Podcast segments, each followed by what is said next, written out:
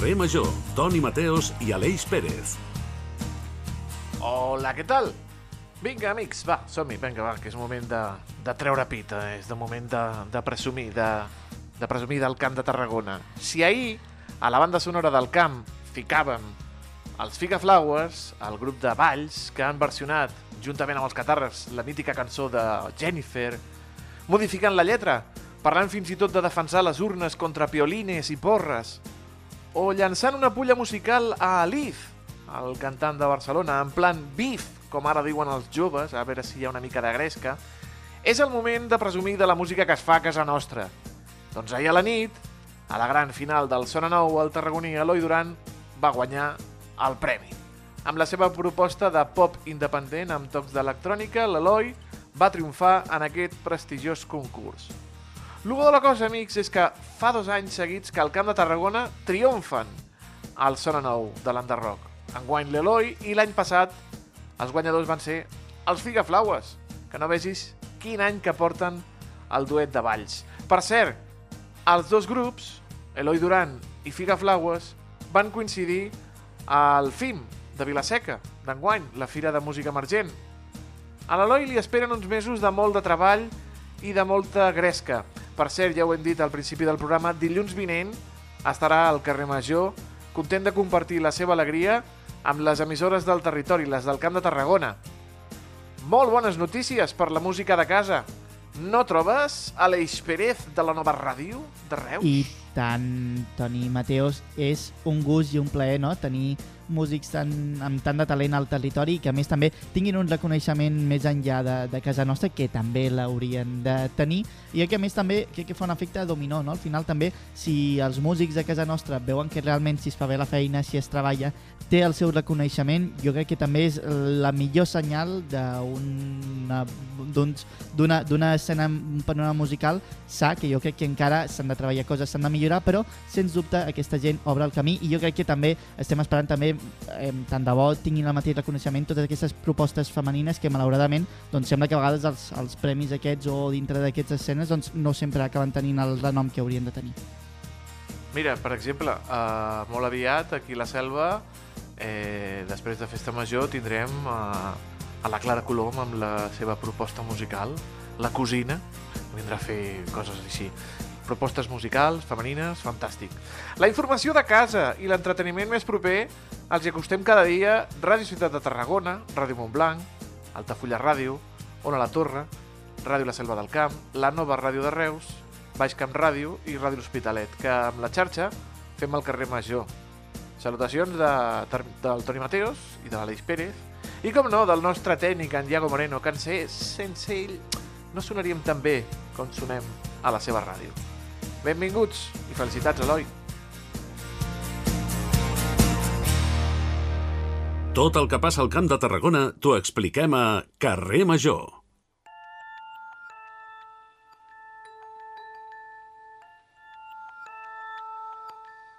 Antes del frío levanta las velas, guarda en tu falda los granos de arroz y a ceremonias de luna llena antes del frío, lánzamelos.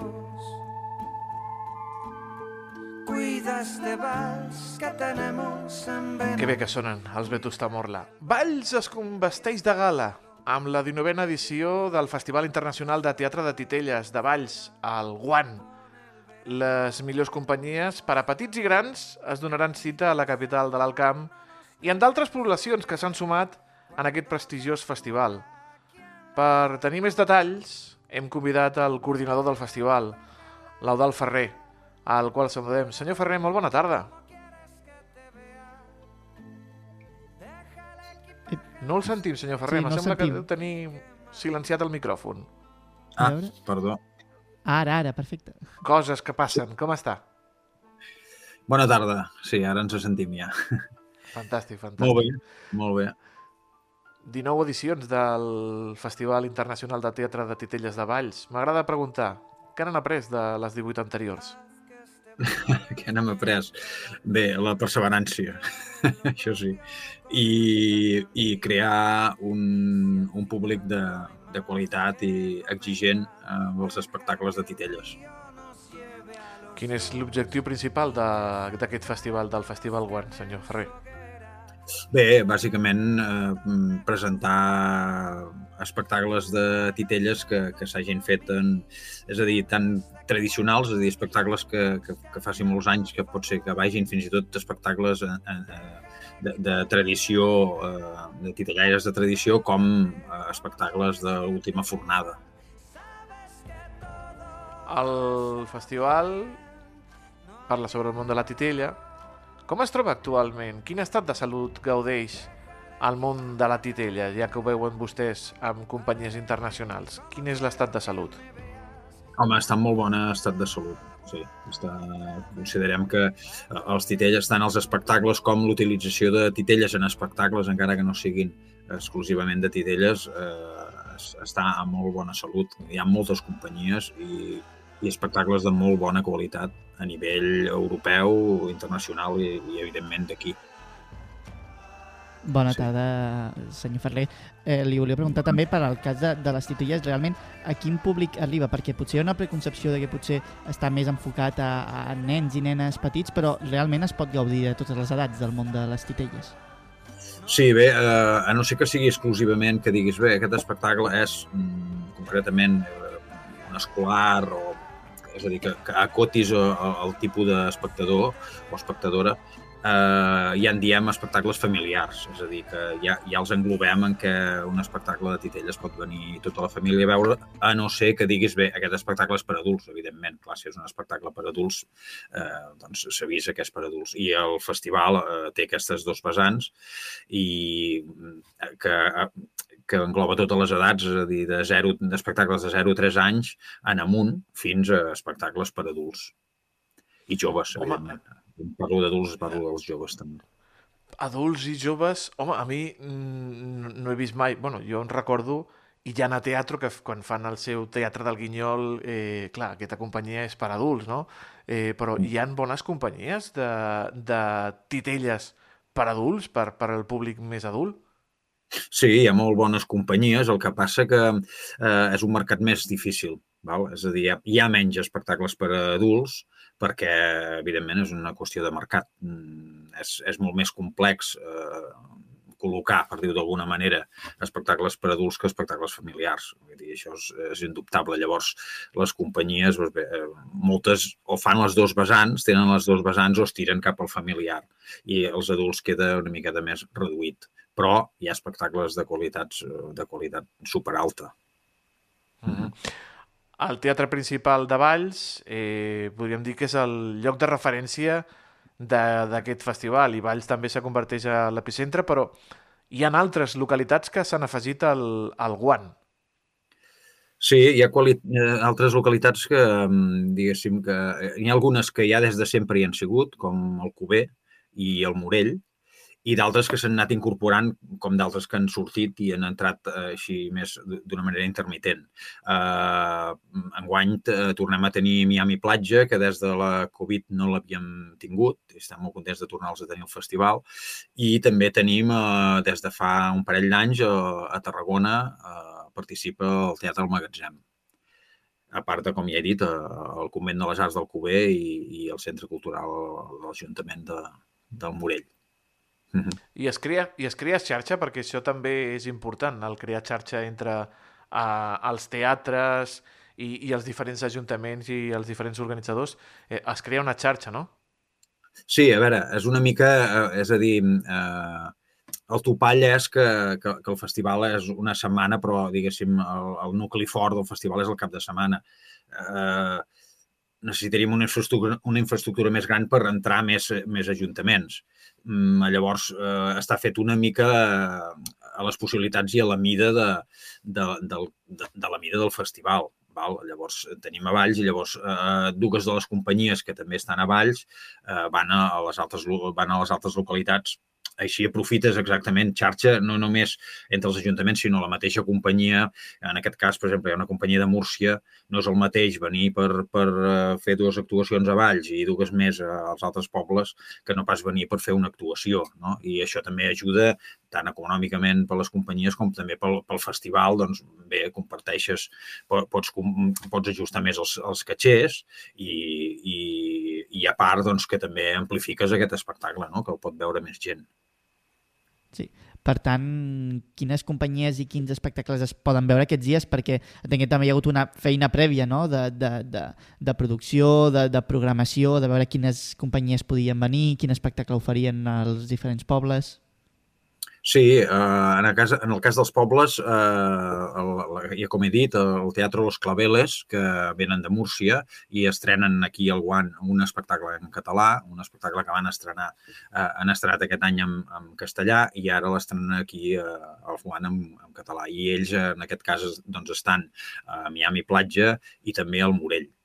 I després tenim eh, la companyia Mercè Framis, que és de Barcelona, eh, una companyia també històrica de titelles, de, normalment d'ombres, que presenta l'àvia Pepa, que també és una estrena. I en aquest cas està també a Valls, està a, a, al Cuber i està també a, al Teatre Magatzem de Tarragona.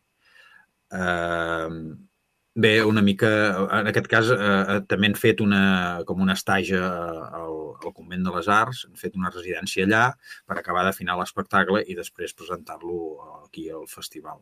Aquest és l'espectacle que deia de, de 0 a 3 anys. I bé, sobre els, diguéssim, els espectacles que, que giren... La resta? Uh -huh.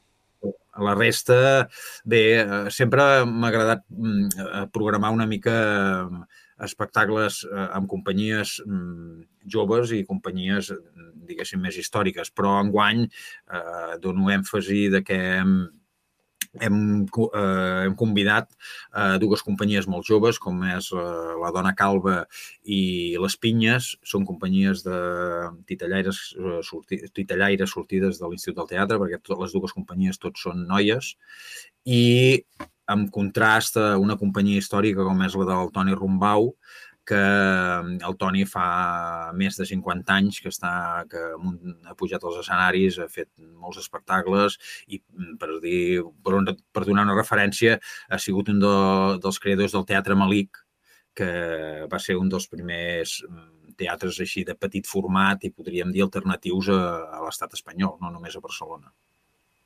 Uh, parlant de Toni Rumbau, eh, ens oferirà una espècie de xerrada, exposició que es converteix de sobte en un espectacle, no? Sí, és, és una mica un espectacle trampa, o una conferència trampa, per dir-ho d'alguna manera. Eh, es presenta com si ell, eh, diguéssim, és, que és una xerrada sobre el món dels titelles i la seva experiència vital en aquest món, però és des del seu punt de vista i que immediatament es converteix en... passa de la xerrada a altres mons i a altres... Eh, eh, podríem dir, bueno, eh, és un espectacle a altres, altres moments i, i, i a moments molt surrealistes. Sí. Uh -huh. A banda d'espectacles teatrals, amb Titelles també hi ha exposicions durant el Festival One i tallers per, per crear la teva pròpia titella, eh, per donar, aquests serveixen com per donar el tret de sortida no? al festival? Sí, sempre el primer que obre el festival és l'exposició. Hi ha una exposició precisament de la companyia Mercè Framis, de Teatre d'Ombres, amb uns teatrets preciosos, il·luminats, que pots veure tot un conte com, com es, es representa en, en, en ombres. Pots veure-ho per davant, pel darrere, inclús hi ha els esbossos penjats, on pots veure els esbossos i els dibuixos abans de, de passar-los a, a, a el que és pròpiament l'ombra. És una exposició molt, molt, molt bonica i que eh, ella mateixa eh, ha presentat a, a, als nens de P5 de les escoles durant dos dies han anat passant a les a aquest, a aquesta canalla pel, per l'exposició i ell ha fet com una micropresentació espectacle eh, una mica per anar fent bullir l'olla del festival. No? Això ho fem pràcticament cada any a l'exposició. Pot ser la companyia mateixa que fa l'exposició o una companyia que ve de, de fora i, i fa aquesta presentació, depèn. I després, sí, hi ha allò del taller, que això també és una cosa que, que, que fem sempre, que que una de les companyies que participa eh, porta un taller on les famílies poden mm, construir el seu propi titella, que, que, que cada any és diferent. I no es paga entrada, sinó que l'entrada és un quilo de menjar que, que va a un menjador social d'aquí de Valls que es diu La Teulada una iniciativa també que té la seva vessant solidària. Quina és una mica la relació dels, d'aquests nens i nenes amb, amb les titelles? Perquè també feu un pas més, no?, de que puguin interactuar i que també, doncs, en certa manera, s'hi puguin arribar a aficionar i que hi, i que hi vinguin l'any vinent.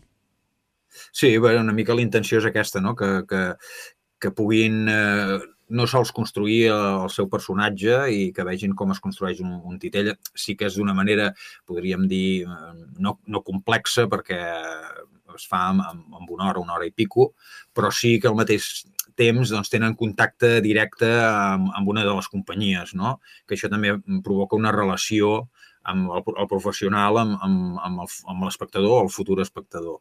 I, i, i està, és pretès fer-ho així, perquè, perquè hi hagi aquest contacte no? més, més estret eh, entre la companyia i els espectadors. No? On podem aconseguir les entrades, els abonaments, els horaris, senyor Ferrer? Bé, una mica eh, a la web del festival ho explica, però bé, a Valls, a Taquilla o també a través de la web de l'Ajuntament, on bueno, hi, ha, hi ha diferents plataformes i cada lloc és, és així. Vull dir, a la plataforma, en cada lloc de, a cada ajuntament té la seva plataforma i pots aconseguir les entrades, com també, evidentment, pots anar directament a taquilla i agafar-les. Ja hi ha alguns espectacles que estan exaurides, com el de la Mercè Famis del diumenge, a Valls, eh, encara en queden a, a les altres localitats, a Tarragona i, i Alcover, però pots aconseguir així. Vull dir, encara pots anar directament a taquilla o, o pots fer online.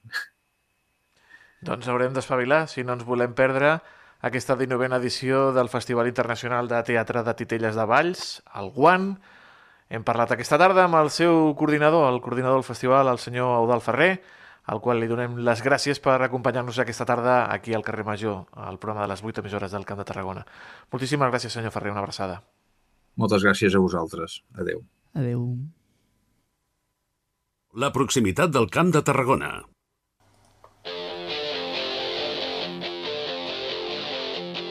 Oiga, doctor, devuélvame mi depresión. No ve que los amigos se apartan de mí. Doncs nosaltres continuem aquí al carrer Major en la nostra secció que fem amb el Col·legi de Metges de Tarragona. Oiga, doctor, que no escribe... I avui anem d'entrega de premis. Oiga, doctor, perquè aquesta tarda s'entreguen els Premis Battestini. Per parlar-nos d'aquests premis tenim a l'altre costat de la trucada el doctor Pere Mestres Ventura. Ell és de doctorat en Medicina, catedràtic emèrit i exdirector de l'Institut d'Anatomia i Biologia Celular de la Facultat de Medicina de la Universitat de Saarland, Alemanya, expresident de l'Acadèmia de Ciències Mèdiques i també enguany li ha tocat de president de jurat d'aquests premis Battestini i al qual saludem. Eh, doctor Mestres, bona tarda. Bona tarda. Què en consisteixen aquests premis? Què són els premis Battestini, doctor? Els Premis Battestini es van instaurar l'any 2018 i amb aquests premis es volia reconèixer pues, la qualitat científica de metges de la nostra eh, encontrada també la dedicació d'aquests metges a la seva feina, es volia premiar també que, es, que aquests metges defensin la medicina pública i, a més, que tinguessin una dimensió clara humanística, que fossin persones que tinguessin empatia i que es preocupessin dels seus, dels seus pacients d'una manera destacada. Això, això va ser la idea central. Aquests ser... La, la els- segon aspecte d'aquests premis és que van buscar una figura que tingués un significat eh, rellevant en aquest sentit. Uh Mhm. I el doctor Battestini, que va ser director de l'Hospital de Santa Tecla de Tarragona abans de la Guerra Civil, aquest senyor que va vindre de Barcelona va ser un home que es va preocupar molt de la formació dels metges i, entre altres coses de beneficència que va instaurar, eh, va instaurar la, medici, la cirurgia gratuïta per a la gent pobra. Mhm. Una circumstància que no va caure gaire bé en els cercles mèdics locals. En fi, aquest senyor, quan va vindre la, la, el conflicte bèl·lic de la guerra, pues, va tindre molt mala sort i, en fi, va tindre un final molt trist i va ser executat pels, pels nacionals. De manera que aquesta figura, sobretot per la seva feina, clar, en els anys 20 i 30, va, ens va semblar simbòlica per a aquests premis. Mhm. I distingim tres premis. El Premi Honorífic, que no té dotació econòmica, i després un premi de recerca clínica eh, en l'àmbit hospitalari i un altre en l'àmbit de la medicina primària. Aquests dos premis tenen una dotació cadascun de 3.000 euros. Mhm. Però, És de... Sí, di, digui. di- no, no, el- els objectius de- d'aquests premis, dels Premis Battestini, és poder per- premiar, el, el, com ha dit vostè, el metge, el metge de tota la vida, no? El que es preocupa pels pacients, no? Bueno, el- el honorífic, des de luego. Sí, sí. Els, els altres dos que estan dotats amb diners, eh, premiem naturalment labor de recerca que fan metges que treballen cada dia en un ambulatori o a l'hospital, Mhm. però que a pesar de que estiguin atenent els malalts, ells fan recerca i milloren algoritmes, maneres de fer de l'hospital. I això ho premiem. Ho premiem de tal manera que aquests companys que, que es presenten, que sol·liciten, el, que fan una sol·licitud al premi, pues tenen que presentar treballs publicats i generalment el que premiem són treballs publicats en revistes científiques de categoria. Uh -huh. uh, uns premis que estan organitzats per l'Acadèmia de Ciències Mèdiques de Tarragona, de la qual... No sols, no, no sols. No sols. L'Acadèmia de Ciències Mèdiques de Tarragona, que és una filial de l'Acadèmia de Ciències Mèdiques Central, que té la seu a Barcelona. I entre les dues institucions es financien aquests dos premis. Uh -huh. Parla una miqueta d'aquesta acadèmia. Quina és la, la seva tasca principal, doctor Mestres? Miri, comencem per dir que l'Acadèmia de Ciències Mèdiques es va fundar a finals del segle XIX a iniciativa d'estudiants de la Facultat de Medicina de Barcelona, que en aquella època, finals del segle XIX, encara es trobava al edifici del Real Col·legi de Cirurgia que estava al carrer del Carme 47 el canvi d'aquesta de la seu de la facultat a l'actual, que és el carrer de Casanova eh, de Barcelona, l'Eixample, es va fer a l'any 1905. Aquests estudiants es trobaven en una situació de que es queixaven de que la qualitat científica, de que eh, l'ambient eh, mèdic no era prou bo, i ells van agafar la iniciativa privada eh, i van fundar un laboratori i aquest, després d'aquest laboratori va vindre, bueno, va haver una evolució positiva i a començaments de segle ja pues, existia aquesta acadèmia. L'acadèmia eh, té una llarga història i avui dia contempla, a part de la central, 21 filials. Eh, 19 dins de Catalunya, a veure, una a Balears i una altra al País Basc i una altra a València. O sigui que, no, serien 22. Uh -huh. I, i aquestes filials l'únic que fan és doncs, connectades amb la central, imparteixen cursos, reciclatge, eh, educació continuada per metges, però també per enfermeria i per, eh, diguéssim, activi, eh, oficis o professions sanitàries auxiliars. Déu-n'hi duret. Em, Ha dit que són treballs que han estat publicats en revistes i en publicacions mèdiques de prestigi per Ja. aquests dos premis eh, principals, el de l'àmbit hospitalari i en l'àmbit assistencial. Quins tipus de treballs han rebut, eh, doctor Mestres? Miri, aquest any hem, hem rebut eh, diversos treballs, però els premiats, que ja ho podem dir, no? són un és li llegeixo el títol perquè així es fa més, Una idea. més clar el que, el que és. Uh -huh. El títol és Dieta, és un treball publicat en anglès, amb una revista anglesa que es diu Nutrients, Uh -huh. i d'aquest- a començaments d'aquest any, i el títol és, en català, Dieta mediterrània i funció pulmonar en fumadors adults habituals. I és un anàlisi transversal dintre d'un projecte que es diu Medistar. En aquest, en aquest treball hi participen metges, científics, investigadors de diversos centres.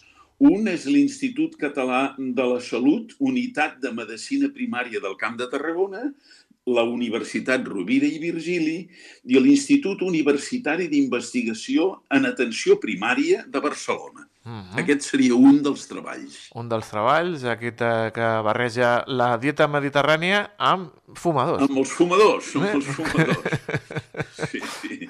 sí, sí. I l'altre, aquest seria el de la medicina primària, Uh -huh.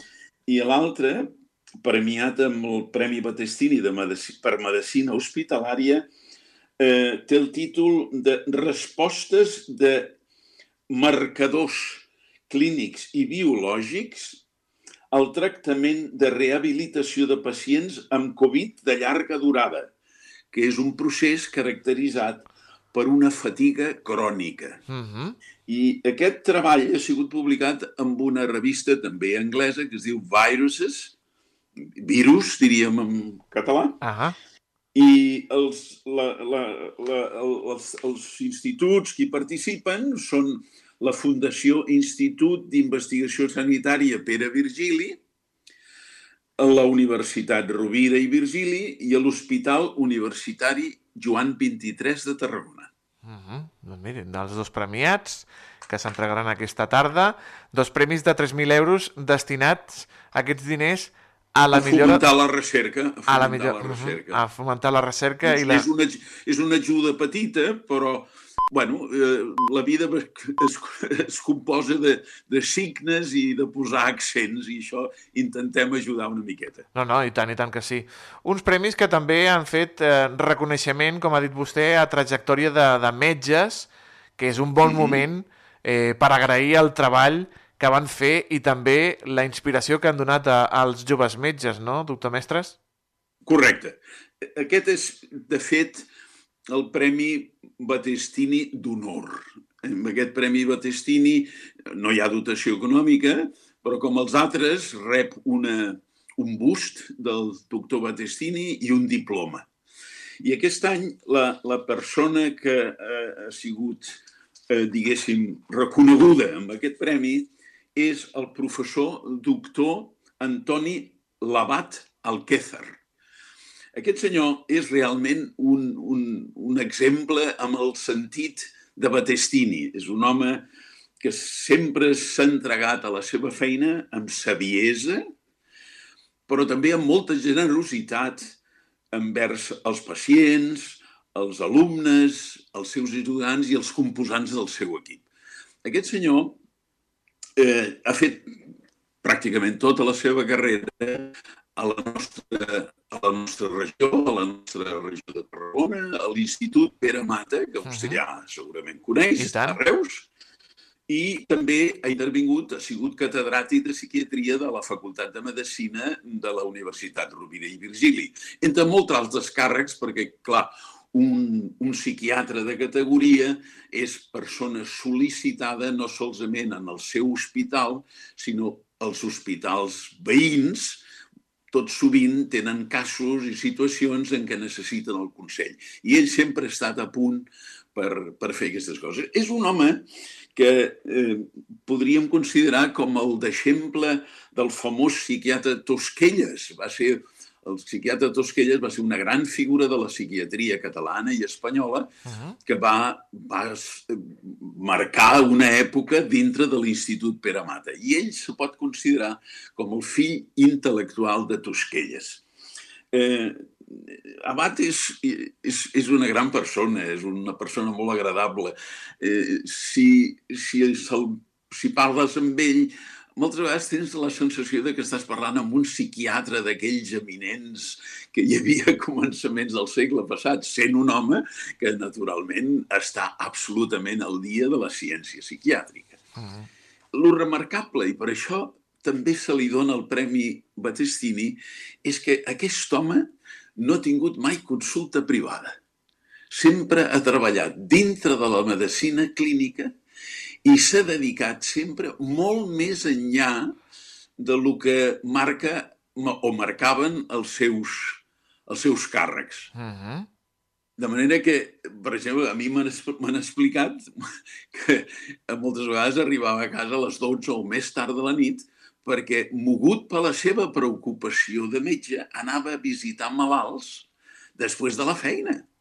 Inclús m'ha dit que inclús se n'anava fins a Tortosa a veure malalts i, clar, tornava a la una de la nit. Tornava tard a casa. És, és, sí, sí, és, és una gran persona i se'l mereix absolutament el I- premi. i tot Estem això- molt orgullosos de donar-li el premi, sí. I tot això per la, per la salut, per la sanitat pública. Déu-n'hi-do, Déu-n'hi-do. Totalment, Sí, sí. totalment, exclusivament, ja, és li, un- puc, és ja li un- puc assegurar. És un gran premiat. Eh, a, aquests premis, els Premis Battestini, doctor Mestres, es venen entregant des del 2018.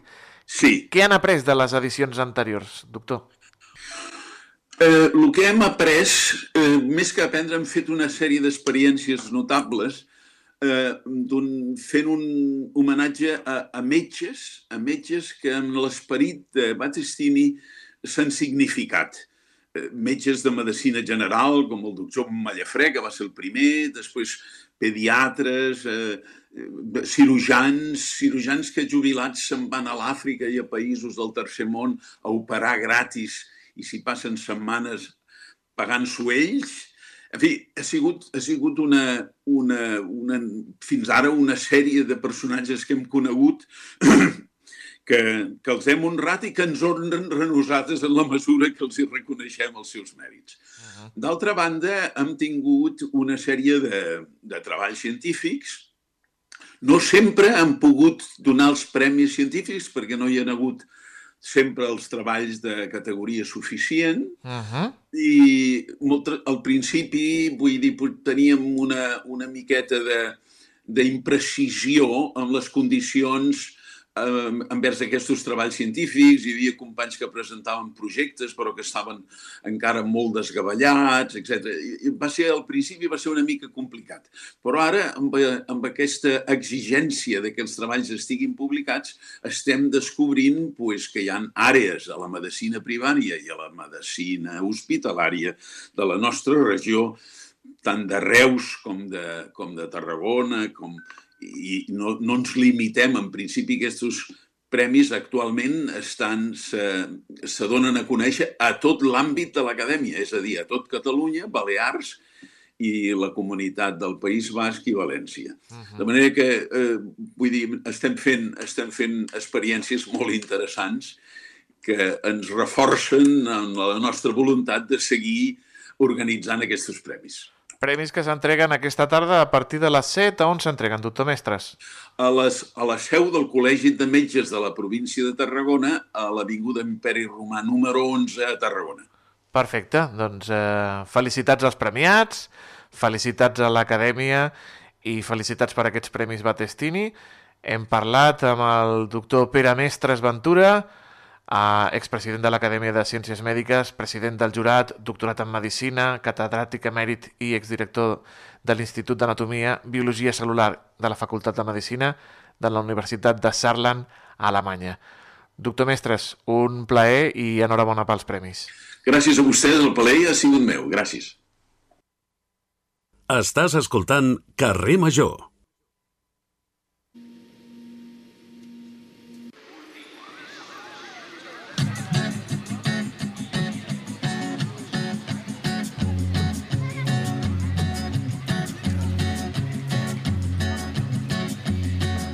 Solo voy con mi pena, sola va mi condena. Correré mi destino para burlar la ley, perdido en el corazón de la grande Babilón. Me dice A mi Manu Chao m'agradava quan estava amb els Mano Negra. Eh, en solitari... No, no acabat t'agrada en solitari. A, a veure, m'agrada. No m'ha acabat de fer eh? el Té cançons i cançons, també. Sí, sí, sí, sí, sí, i tant, i tant, i tant, que sí. Me fa molta gràcia la imitació que li va fer Joaquín Reyes. Em va ser boníssima. Mirin-la per YouTube. Moment dels ODS. I me sembla que la nostra convidada mm, fa poquet que ha aterrat de, de lluny, però bueno, li preguntarem amb ella. Eh, de què es tracta, Aleix? Bé, doncs avui als ODS, ja sabeu, els Objectius de Desenvolupament Sostenible, doncs ens quedem avui a, a la capital del Baix Camp, a Reus, per parlar d'unes jornades de migració i drets humans que organitza Reus Refugi aquest cap de setmana. Forma part de l'objectiu número 10 que busca reduir la desigualtat entre persones. I per parlar-ne, avui tenim nosaltres a Leida López, membre de Reus Refugi. Molt bona tarda. Hola, gràcies per convidar-nos. A vosaltres per acceptar la, la trucada. Aquestes jornades arriben ja a la seva sisena edició. S'ha convertit malauradament cada vegada més necessàries aquesta mena de jornades?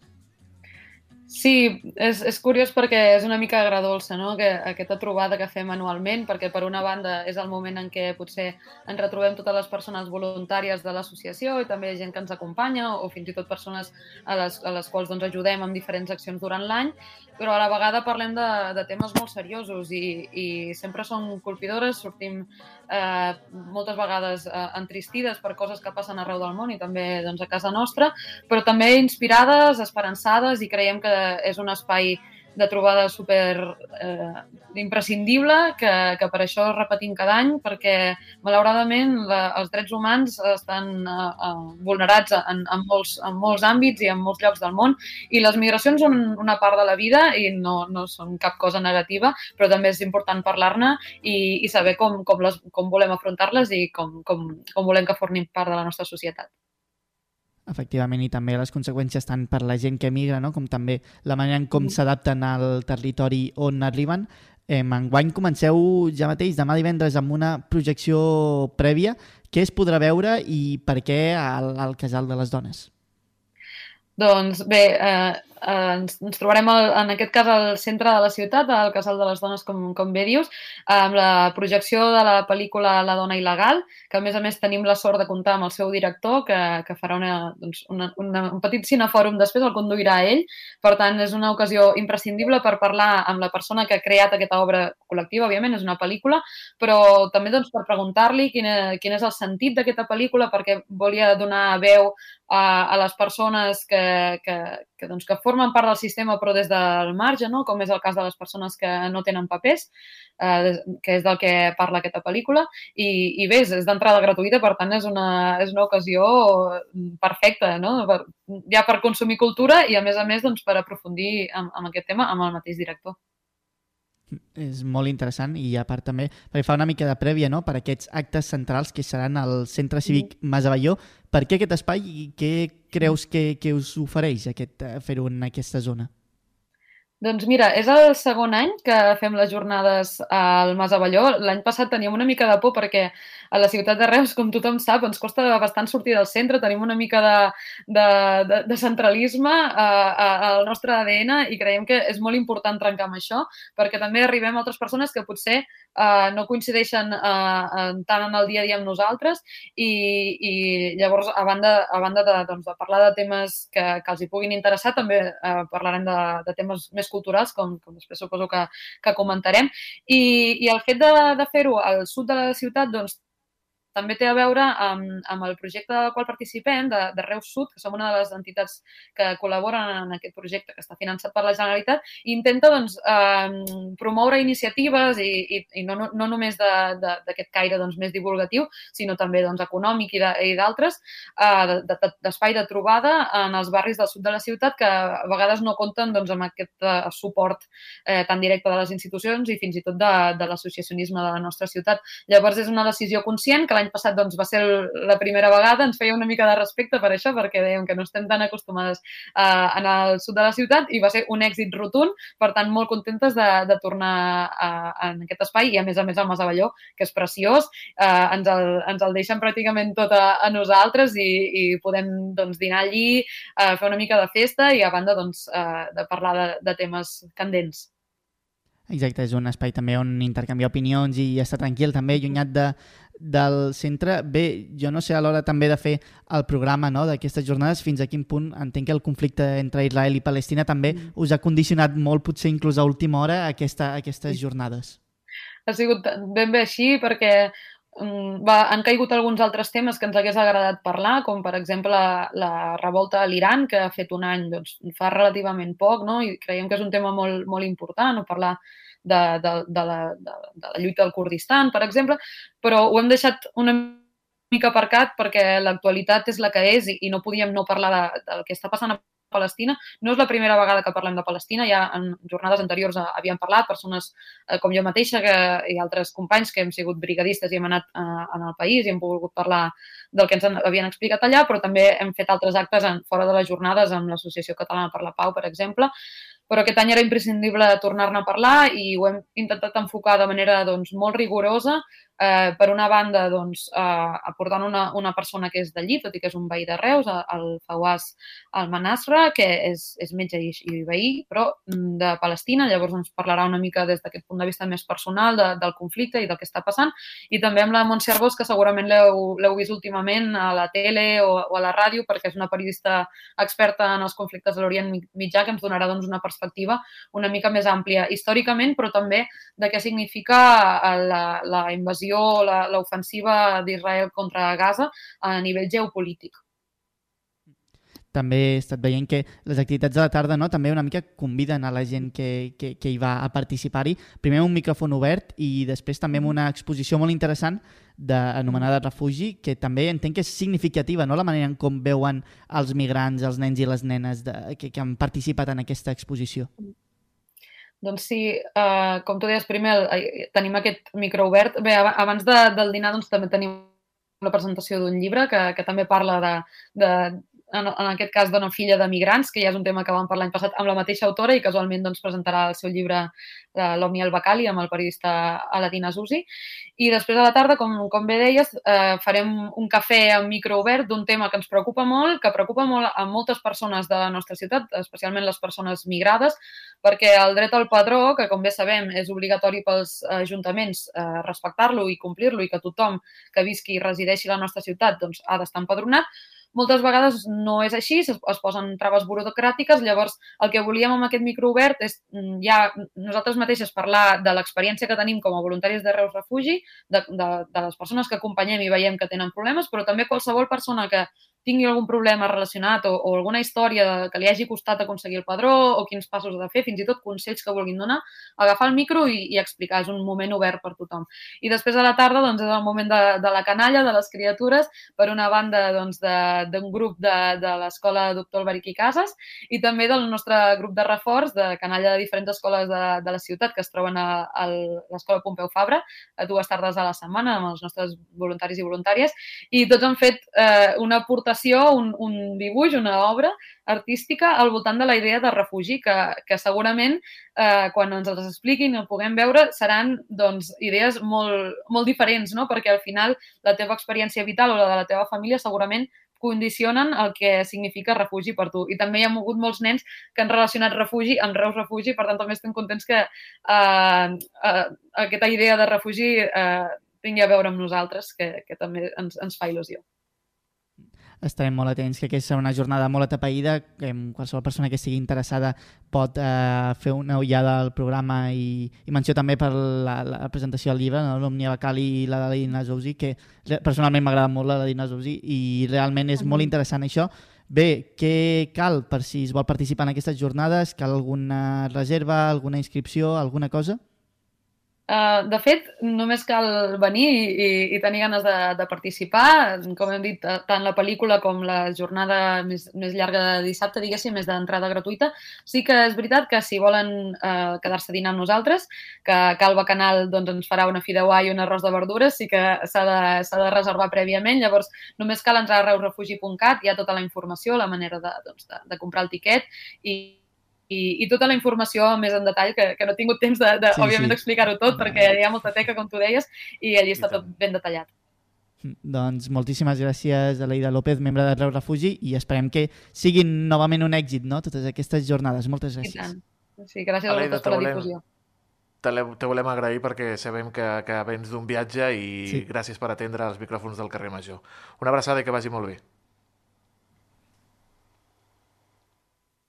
Doncs vinga, anem amb la banda sonora, si et sembla. A veure què ens posa avui de banda sonora. David? A veure què ens fica el David. Jo ja, jo ja sospito que ens ficarà, perquè si parlem del Sona Nou, si parlem de Camp de Tarragona, si parlem sí. de l'Eloi Duran, imagino que el David Fernández, que està a, a, alerta a tot, sí. doncs es portarà a l'Eloi Duran. Sí, és l'Eloi Duran. Efectivament. David Fernández, bona tarda.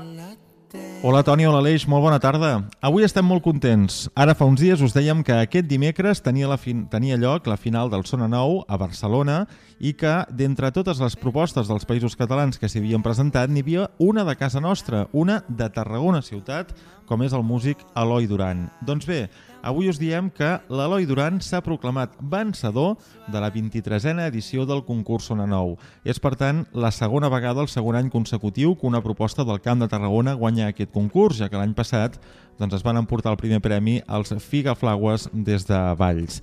En aquest cas, la revista Enderroc, que és qui organitza el Sona Nou al costat de TV3 i Catalunya Ràdio, explica a través de la seva publicació que l'Eloi Duran va oferir una actuació íntima al costat de Pau Vinyals als sintetitzadors, que va combinar la cançó d'autor i l'indie pop electrònic i que pel que fa al seu repertori doncs destaquen Anel del Cercle, un poema musicat de Maria Josep Escrivà, al costat d'altres cançons pròpies com Pluja, Res a fer, Autoestima o Llum, aquesta cançó que avui ens acompanya de fons i que és la banda sonora del dia del carrer Major.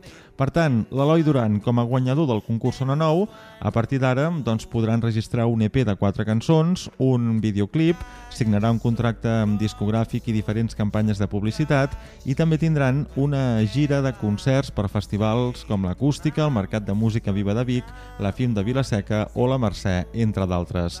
Per tant, des d'aquí, des del carrer Major, felicitem efusivament a l'Eloi Duran per la seva proposta i per proclamar-se guanyador del Sona Nou i esperem a veure si ben aviat el podem tenir aquí als nostres estudis. Avui Eloi Duran, Dilluns. al carrer Major. Dilluns, David, dilluns, apunta Sí. tu, dilluns. El tindrem aquí als estudis de al carrer Major.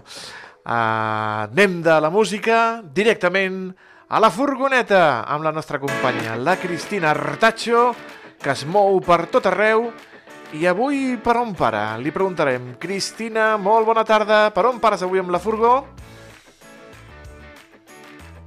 És aquí a la Furgo i avui sóc a la via de l'Imperi Romà de Tarragona, just al costat de la seu del Col·legi de Metges de Tarragona per parlar de la Tarraco Health Race. M'acompanyen aquí al meu costat el doctor Sergi Uada, president del Col·legi de Metges de Tarragona, i aquí a l'altre costat el, Consell de, el conseller d'Esports de Tarragona, el senyor Berni Álvarez.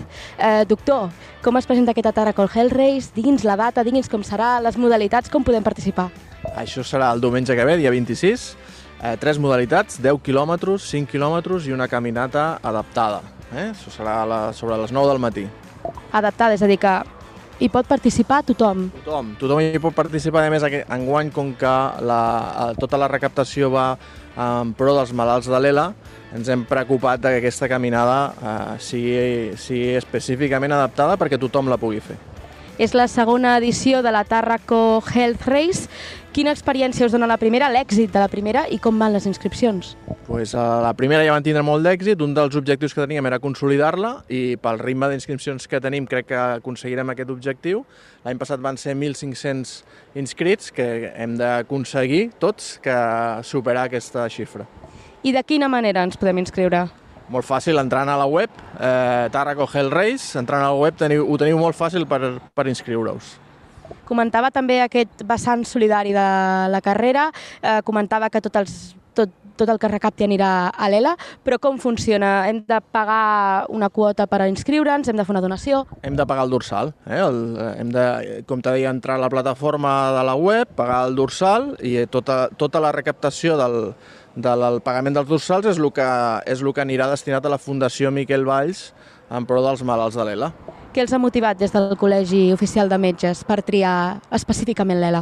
Mira, l'any passat va ser, va ser el, els, els uh, AFANOC, que se dediquen a l'entorn dels nens que tenen problemes oncològics, i aquest any, eh, a primers d'anys vam, vam rebre la visita del Juan Carlos Unzué, un abanderat eh, pobra dels malalts de l'ELA i, i ens vam decidir aquest any a, a, a, tota, a que tota la recaptació fos en pro d'ells perquè són malalts que, que estan lluitant i que necessiten un canvi le- legislatiu i s'ha de visibilitzar aquesta necessitat d'aquest canvi le- legislatiu més enllà de facilitar-los mitjans per, tota, per totes les seves necessitats. Eh?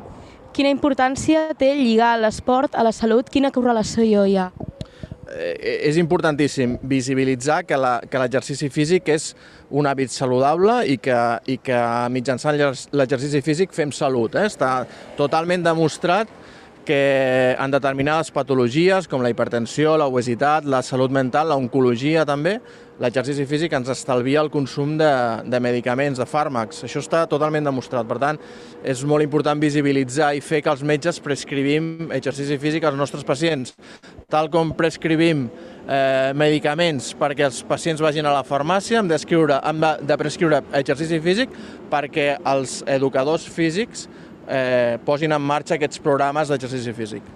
De fet, si no m'equivoco, és una iniciativa que es tirarà endavant d'aquí molt, molt poc. Sí, el dimecres eh, vinent, també en, en el context de la Tàrrego Hell Race, presentarem un cercador de programes d'exercici físic eh, mitjançant el qual els metges poden accedir a aquests programes que estan eh, dissenyats per educadors físics però avalats per metges especialistes en medicina de l'esport. Eh? Llavors els metges podran entrar fàcilment en aquest cercador i prescriure eh, exercici físic als seus pacients. Això ho presentem dimecres que ve. I me'n vaig aquí cap al conseller. Eh, per l'Ajuntament de Tarragona, quina importància té que es continuï apostant per actes com aquest i, i per curses que promouen l'esport i, i la salut? Bueno, per nosaltres tothom, i a més a més amb, la, amb les ganes i la proactivitat que, que té el Col·legi de Metges en aquest cas, doncs tothom que, que tingui, tingui inquietud per muntar coses a nivell esportiu, eh, estarem sempre oberts a col·laborar, a intentar ajudar tot el possible. I a més a més, com ha dit abans el, el, el Sergi, per nosaltres salut i esport van molt, molt lligades i creiem molt també amb l'aspecte de millora de la salut des de l'esport, en totes vessants, i per tant totes les coses que s'organitzin que, que tinguin aquest lligam per nosaltres sempre ens hi trobaran i, i estem molt contents de, de com està anant perquè no és fàcil engegar alguna cosa, eh, que ja sigui la segona edició, que ja tinguin la primera 1.500, vam tenir 1.500 participants, que, que, la, bueno, que aquesta té pinta i animo la gent perquè vingui, de que encara serà amb més participació, per nosaltres és, vamos, és, és motiu d'estar molt contents i, i amb ganes de fer-ho mm, molts anys. No? I ja no només com a conseller, sinó com a exesportista, el tema que comentava aquí el doctor sobre la prescripció d'esport, com ho veu vostè? Bueno, primer, això d'exesportista, un és esportista sempre, un és esportista sempre. Juga, eh, vull dir, sigui perquè va a caminar cada dia o sigui perquè juga al, al València de bàsquet, no? que era el meu cas, o, o el jugo a nivell professional, em prefereixo. No? Eh, crec que el, el bo que tenim és que cada vegada més la gent està molt conscienciada i sobretot gent que, que per, per ells és com una mica un salt mental, no? la gent una mica més gran, no? el fet de fer esport, no? de ficar-te roba esportiva per fer alguna d'esport, jo ho veig amb, amb gent gran i amb gent propera de que, de que els hi costava una mica, no? semblava que no, no anava amb ells i ara doncs, aquest canvi mental s'ha produït, eh, molta gent veu l'esport com una solució, una alternativa a, a moltes de les, de les entre cometes, pastilles que deia abans el Sergi, no? que, que, que només eren l'alternativa que podien tenir als seus problemes de salut i, i creiem molt, no? creiem molt i per això nosaltres també doncs, doncs, des de l'Ajuntament, jo personalment estem intent- intentant activar moltes d'aquestes iniciatives que donin accessibilitat a l'esport a molta gent, no? els parcs saludables, els patis oberts, però sempre amb la creença de que, de que ha d'anar molt lligat a esport i salut i que fer esport és una de les millors coses que li pot passar pel cos de, per la salut d'una persona. No? Doncs ja ho sabeu, cita obligatòria el proper diumenge 26 de novembre aquí a Tarragona, la segona edició de la Tarraco Hell Race. Moltes gràcies al president del Col·legi Oficial de Metges de Tarragona, el doctor Sergi Boada, i al conseller d'Esports de l'Ajuntament de Tarragona, Berni Álvarez. I això és tot, és tot. Ens veiem a la propera furgó. Adeu! Molt, molti, molt gràcies, adeu, Cristina. Gràcies, Cristina. Eh, nosaltres també tornem demà. Gràcies, Aleix, que vagi molt bé. Fins demà. Gràcies a tu, Toni. Ens veiem demà, que és divendres ja, eh? És Oh, divendres. quines ganes. Ai, fins demà. Dijous. Fins demà. Adeu, adeu. Que vagi bé.